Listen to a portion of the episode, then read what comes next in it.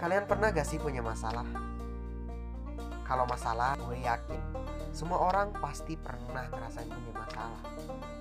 Tapi masalahnya kalian gak tahu mau sharing masalah kalian ke siapa. Nah, sama halnya kayak gue di sini. Gue mau sharing perjalanan hidup gue ke kalian karena gue tipe orang yang gengsi kalau harus sharing langsung ke manusia. Dan buat kalian para listener yang penasaran sama journey of life gue, kalian ikutin aja jejak podcast gue di sini.